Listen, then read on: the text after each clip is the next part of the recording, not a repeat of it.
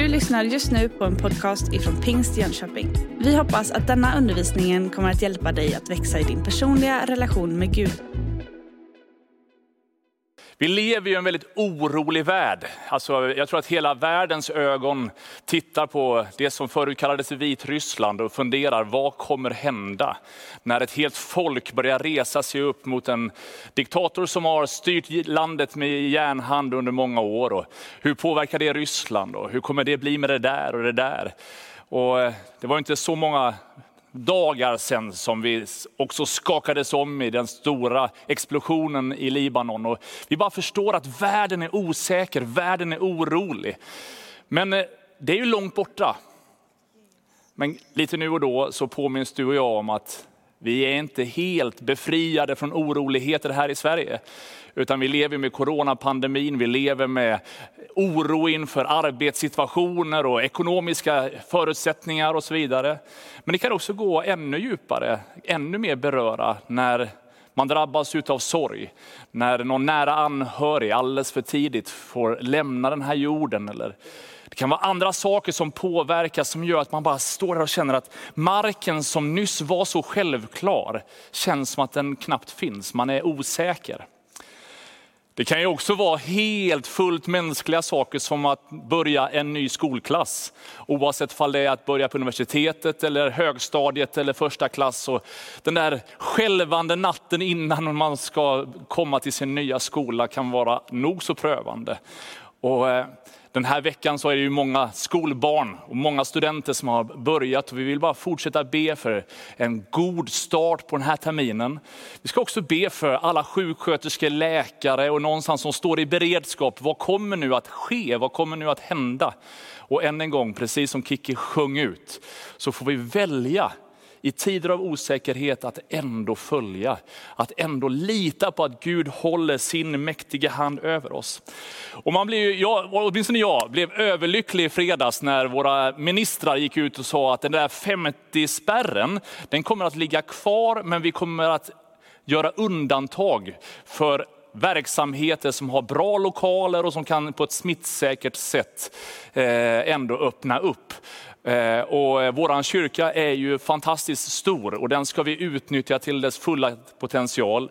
Och vi ser fram emot att så snart som möjligt kunna vara många i rummet. Men nästa söndag får vi åtminstone tjuvstarta lite med att ha många samlingar och hoppas att du kan vara med på åtminstone någon av dem. Eh, jag tror att det är elva olika samlingar som ska genomföras varje söndag fram till dess att det öppnas upp lite mer. Så tack Jesus för alla goda volontärer som med glatt hjärta och med stor entusiasm försöker göra allt det där möjligt. Men bland allt det där som händer, allt det där som görs, så kan det vara nyttigt att någonstans stanna upp och fundera, vad är det som är viktigast? Av allt som kan vara viktigt, allt man skulle kunna göra, allt man behöver göra, vad är det som är riktigt viktigt? Förra söndagen så läste vi ett bibelord tillsammans, så vi ska få slå an samma bibelord för den här söndagen. Det är från Lukas evangeliet kapitel 10, där Jesus svarar på frågan vad som är det viktigaste budet. Och han säger så här, du ska älska Herren din Gud av hela ditt hjärta, av hela din själ, av hela din kraft och av hela ditt förstånd. Och du ska älska din nästa som dig själv. Ska vi bara be en kort bön tillsammans att Gud ska få välsigna sitt ord, fortsätta tala och beröra oss den här söndagen. Herre, jag tackar dig för förmånen att få än en gång be till dig. Herre, precis som Frida sa så är du inte beroende av ett andaktsrum, utan överallt, i vilket rum vi än är i och närmar oss dig, så är du där för att ta emot oss. Och nu ber jag att du skulle fylla bilar, altaner, vardagsrum, kök, oavsett vart vi sitter och följer den här gudstjänsten, så ber jag att du skulle tala, beröra, låta ditt ord få vara levande, verksamt i våra liv. Och så ber vi dig för Vitryssland, vi ber dig för hela coronapandemin, vi ber dig för alla studenter som har börjat skolan, vi ber för all sjukvård och så kommer vi med all annan nöd som vi bär personligen i våra hjärtan. Tack för att vi får lägga det tryggt i dina armar. Amen. I den här bibelversen som vi nyss läser så förstår vi av Jesu undervisning att kärlek är mer än bara en hetlevrad passion i en känsla. Utan det har många olika dimensioner. Det handlar inte om att vara bara passionerad, utan det handlar också om att älska med förståndet. Lite grann det pratade vi om förra veckan och jag vill bara än en gång slå an att sann kärlek är en ton från himlen som inte blir hård, inte blir tuff, utan till och med i tillrättavisningen, till och med när man ibland förmanar varann, så är kärlekstonen en doft som gör att den där tillrättavisningen faktiskt går in och inte att man bara slår ifrån sig. Men vi märker också i den här bibeltexten att just förståndet är viktigt. Eh, ett annat bibelord, så, i budorden så står det att vi ska inte missbruka Herren vår Guds namn. Och vi kan se i historien människor som har tagit lösryckta bibelversar och missbrukat Guds namnet och försökt göra det till någonting annat och dragit folk vilse in i allt möjligt skräp. Och att älska med förståndet, det bevarar oss från att gå just i de där fällorna. Att någonstans grubbla, att någonstans fundera, är det verkligen sant det som han säger? Står det verkligen så där? Det där förståndet hjälper oss att leva ett hälsosamt liv. Men det är också faktiskt så att det mest förståndiga i hela den processen är att också inse att jag är inte mig själv nog. Och Det är utmaningen i den här digitala världen när jag är här och du följer hemifrån där du är. Och så kan vi lätt göra den kristna tron bara till vår privata sak. Men tillsammans med alla de heliga så ska vi förmå att fatta höjden, bredden, längden, djupen av Gud. Det är därför som vi är så angelägna om att få fira gudstjänst tillsammans. Varför vill vi liksom samlas? Varför vill vi komma samman? Jo, för att vi inte är tänkta att bara göra den kristna vandringen på egen hand. Utan det är tillsammans med de andra som vi också förstår mer av vem Gud är. Och med den ödmjukheten välsignar vi andra kristna kyrkor i Jönköping. Vi älskar de andra trossyskonen i den här staden. Vi vill inte raljera, skämta på ett konstigt sätt och på något sätt positionera oss. Vi är inte andligare än andra bara för att vi har en viss teologisk uppfattning. Nej, det är tillsammans med alla de heliga som vi förmår att fatta höjden, bredden, längden och djupen av Gud. Och i det där famntaget vill vi fortsätta vår vandring. Att älska Gud, det är liksom kärnan i den kristna tron. Det är så många människor som missuppfattar hela grejen och tänker att man måste göra rätt för att någonstans förtjäna hans uppmärksamhet. Och, om jag ska komma till himlen så måste jag leva mitt liv perfekt. Och skulle det vara på det sättet, då ligger jag riktigt risigt till. Det är helt kört för mig. Och jag tror att ingen människa kan frälsa sig själv med våra liksom, gärningar. Utan det är av nåd, det är för att Gud har gjort någonting i våra liv. Det är därför som bibelordet säger att vi älskar för att han först har älskat oss.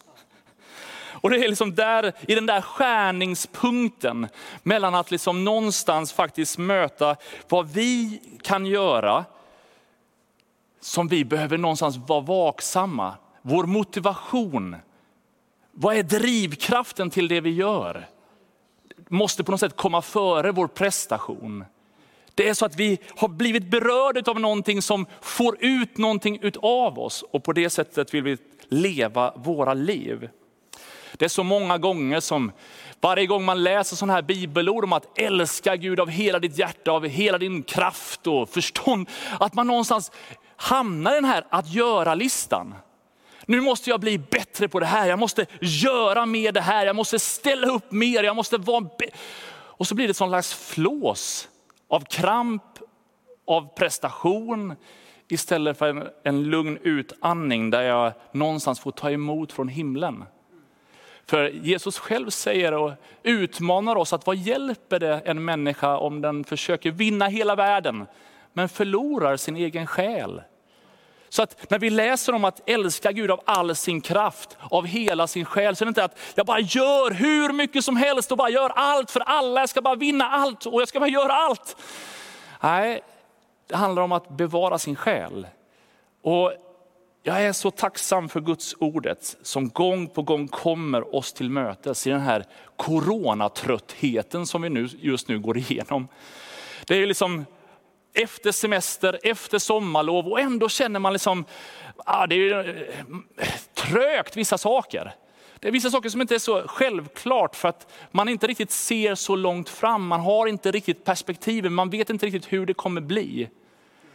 Och salmen, I psalm 23 så säger saltaren så här att han vederkvicker vår själ. Han ger liv åt vår själ. Han leder mig på rätt rätta vägar för sitt namns skull. Och det är det jag skulle önska att själva källsprånget till all vår aktivitet är att han först har älskat oss. Att han har berört våra hjärtan och att han har gjort någonting åt våran själ. Det är det som gör att vi sen kan få leva ut det livet för andra människor. Jag är ju själv en sån här som älskar idrott och eh, jag blir ju så otroligt imponerad av våra ledare, både Frida och Johannes som berättade sina berättelser alldeles nyss. Men jag tänker också på Tony som är en av ledarna i vår eh, LP-verksamhet. Jag tror inte någon i hela Jönköpings kommun älskar J Södra som han. Det spelar liksom ingen roll liksom hur, hur det går. De kan ligga under med hur många mål som helst, så ser man bara liksom i Instagramflödet bara, kom igen nu J Södra, nu vänder vi det här. Det står, vi ligger under med mycket men vi ska vinna. Han älskar av hela sin själ. Han ger sig hän. Och Det här bibelordet talar om att låta själen få vara med i det du gör. Det handlar inte bara om att älska Gud, någon slags intellektuell tro, att det måste finnas någonting högre. Eller Det är inte bara en passionerad förälskelse, utan det är också att låta hela känslopaketet, hela sinnet och liksom lusten och passionen få följa med. Men det finns också en välsignelse av att leva sitt liv med den prioriteringen. Så att det är någon slags balansgång mellan våran, liksom det vi har fått ta emot och att leva ut. Vi måste förstå att drivkraften kommer från att vi först har tagit emot. Men när vi börjar leva ut det så kommer en meningsfullhet en, och också en välsignelse att spira genom oss på ett sätt som vi kanske har svårt att föreställa oss. Bibelns sista bok, Uppenbarelseboken kapitel 3, så säger Jesus så här. Jag känner dina gärningar. Se, jag har ställt en dörr öppen för dig som ingen kan stänga. För din kraft är liten och du har hållit fast vid mitt ord och inte förnekat mitt namn. Och Det här bibelordet skulle jag några minuter vilja etsa in i både själ, hjärta, sinne hos dig. Det ligger sån enorm befrielse om det här bibelordet får fäste i hur vi lever våra liv. Och själva andetaget börjar med, jag känner dina gärningar. Och då behöver du läsa det med Guds faders hjärtas glasögon.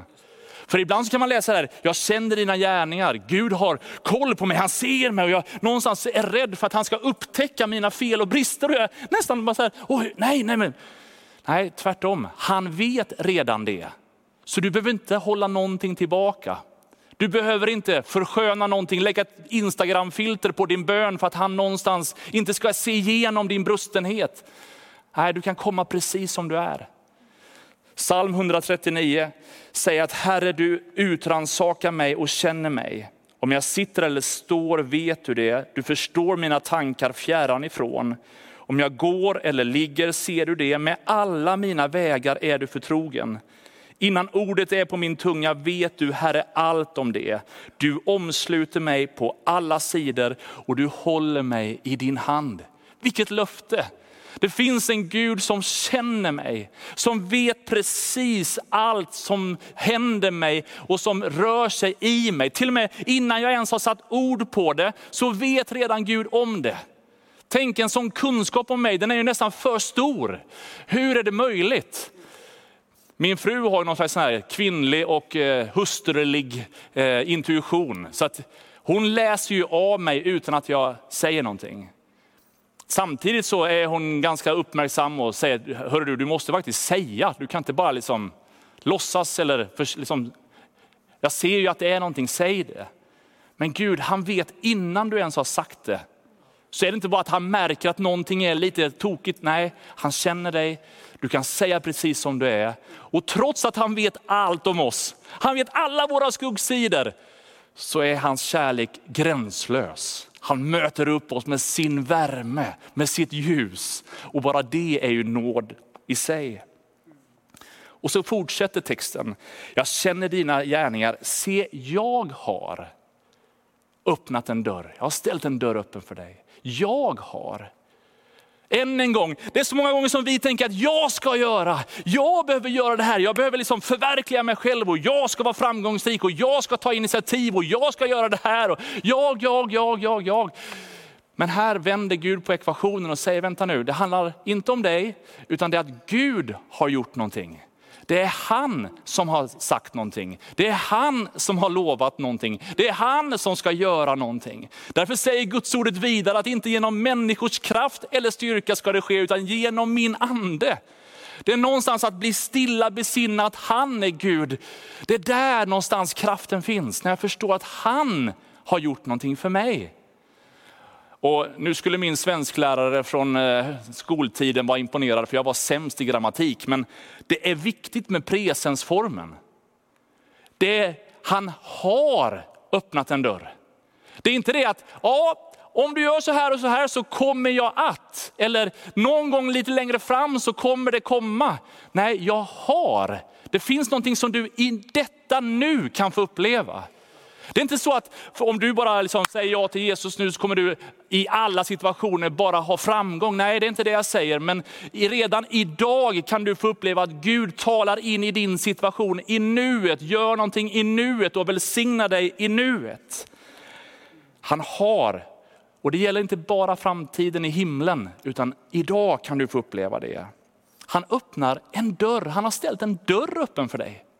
Du kanske tänker nu när pandemin och ekonomin, allting bara stänger ner, allting bara blir begränsningar, allting bara gör det svårare för dig. Och du tänker bara, här sitter jag liksom i karantän och känner vart ska jag ta vägen någonstans? Det känns som att jag bara är instängd. Men Gud har en dörr som han har öppnat. Gud har möjligheter, han ser potential, han ser mening, han ser hopp, han ser framtid i ditt liv. Jag vet vilka tankar jag har för er, säger Herren, nämligen fridens tankar och inte ofärdens, för att ge er en framtid och ett hopp. Och så säger han där, vi läste alldeles nyss, att han har öppnat en dörr som ingen kan stänga.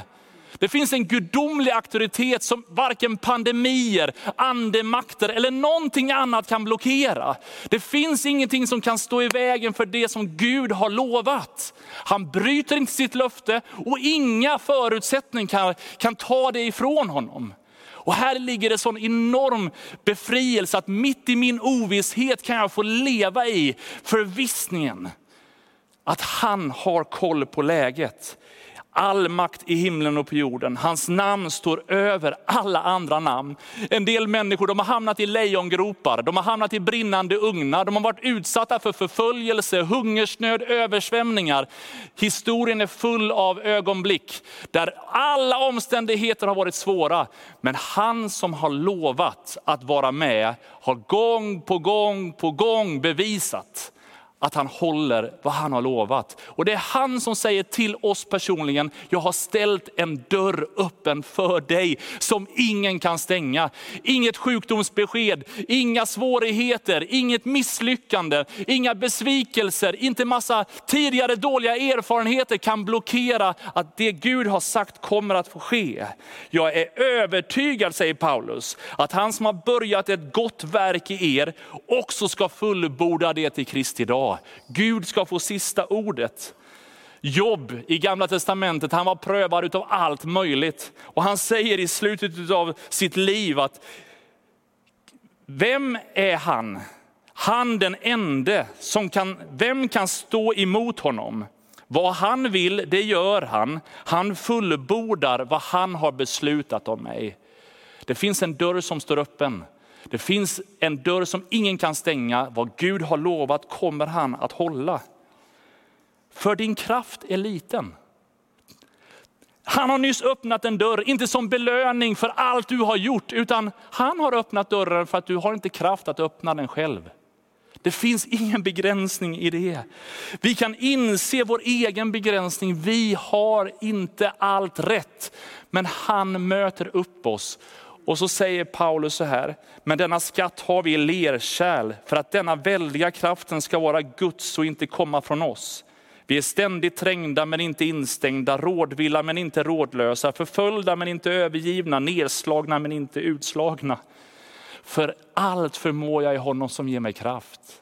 När din kraft fattas, sträck dig efter Gud. Han som har öppnat dörren vill ta emot dig. Alldeles strax kommer du kunna få vara med och be en frälsningsbön tillsammans med mig. Om du idag vill bekänna din tro på Gud. För det är det som kommer i slutet av den här bibelversen, att du har hållit fast vid mitt ord och inte förnekat mitt namn. Det verkar som att, att älska Gud av hela din kraft, av hela ditt förstånd och all din själ och alltihop bygger på att Gud, jag litar på ditt ord. Jag vill så gott jag bara kan läsa det och göra principerna som står här och leva i relationen som du har för mig. Och även om jag ibland har svårt att greppa och förstå allting så vill jag välja tilliten och bekänna ditt namn och säga Jesus, jag vill att du är Herre i mitt liv. Och genom den bekännelsen till honom så får du alla de här andra sakerna på plats i ditt liv. För faktum är att det vi alldeles nyss sa, att det finns ingenting som begränsar Gud. Alla dörrar som han har öppnat, de kan ingen stänga. Så finns det en dörr som inte Gud kan öppna. Det finns en dörr som han inte har någon chans att bryta sig in genom.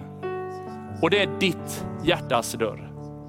Uppenbarelseboken säger att se jag står vid dörren och knackar, om någon hör min röst och öppnar dörren ska jag gå in till honom och hålla måltid med honom och han med mig. Och den här söndagen kan du, om du vill, få öppna ditt hjärtas dörr.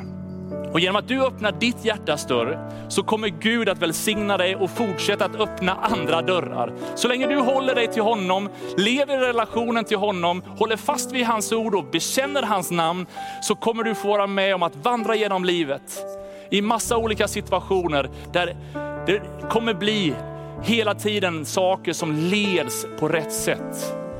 Paulus han stod vid ett läge och trodde att han skulle resa i en riktning där Gud helt plötsligt bara stängde den dörren och öppnade en annan. Det blir inte alltid som vi tror. Det kan bli mycket bättre.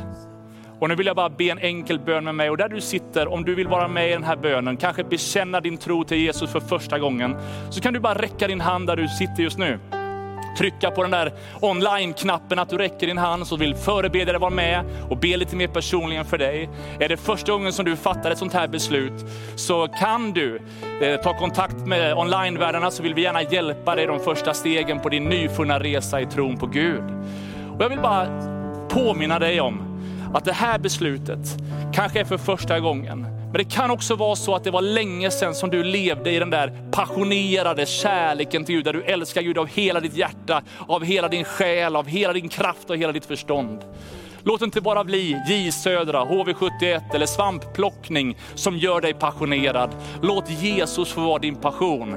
Och är det så att du behöver komma tillbaka, hitta tillbaka till den relationen, så är du också bara välkommen att räcka din hand i den här gudstjänsten. Säga Jesus, Herre, mer utav din passion i mig. Vi ber tillsammans. Jesus, jag tackar dig för förmånen att få fira gudstjänst den här söndagen. Och jag bara ber dig Herre att din ande skulle tala till oss precis rakt in. Herre du vet vad vi behöver. I den här coronatiden, i allt det konstiga som hela vår värld upplever, så är det så tydligt att vi behöver dig. Herre din kraft, din närvaro, din kärlek, låt den få strömma över oss. Och låt den få bli så kraftfull i oss, så att det märks i hur vi talar, hur vi prioriterar, hur vi investerar. Herre jag bara ber att det skulle få visa sig i allt vårt liv, att du har gjort någonting här på insidan. Herre, jag vill be särskilt för den som just nu räcker sin hand. Herre, tack. Trots att det finns en fysisk distans mellan det här rummet där jag står och de som lyssnar, så är din ande där för att ta tag i det där beslutet. Välsigna deras bekännelse med din egen närvaro. Krön deras bekännelse med din närvaro just nu Gud. Vi bara ber ut det i Jesu namn. Tackar dig för att du ska välsigna och välsigna igen igen. Herre vi ber dig, Herre vi ber dig, Herre vi ber dig. Och jag vill bara säga till dig som sitter framför skärmen just nu och funderar på, fall det var kört när det stängdes framför ögonen på dig. Någonting i ditt liv gick sönder, någonting i ditt liv hände och du tänkte det kommer aldrig någonsin mer bli. Och jag bara ber Herre om ett hopp för framtiden. Du vet precis situationen just nu. Och Herre, vi bara ber om en särskild nåd för dem som på ett särskilt sätt den här söndagen behöver känna att såren får läka. Det som är brustet får bli helt. Gud, jag bara ber dig om ett förnyat hopp i Jesu namn. Amen. Du har just lyssnat på en podcast ifrån Pingst Jönköping. För att få reda på mer om vilka vi är och vad som händer i vår kyrka så kan du gå in på pingstjonkoping.se eller följa oss på sociala medier via pingstjkpg.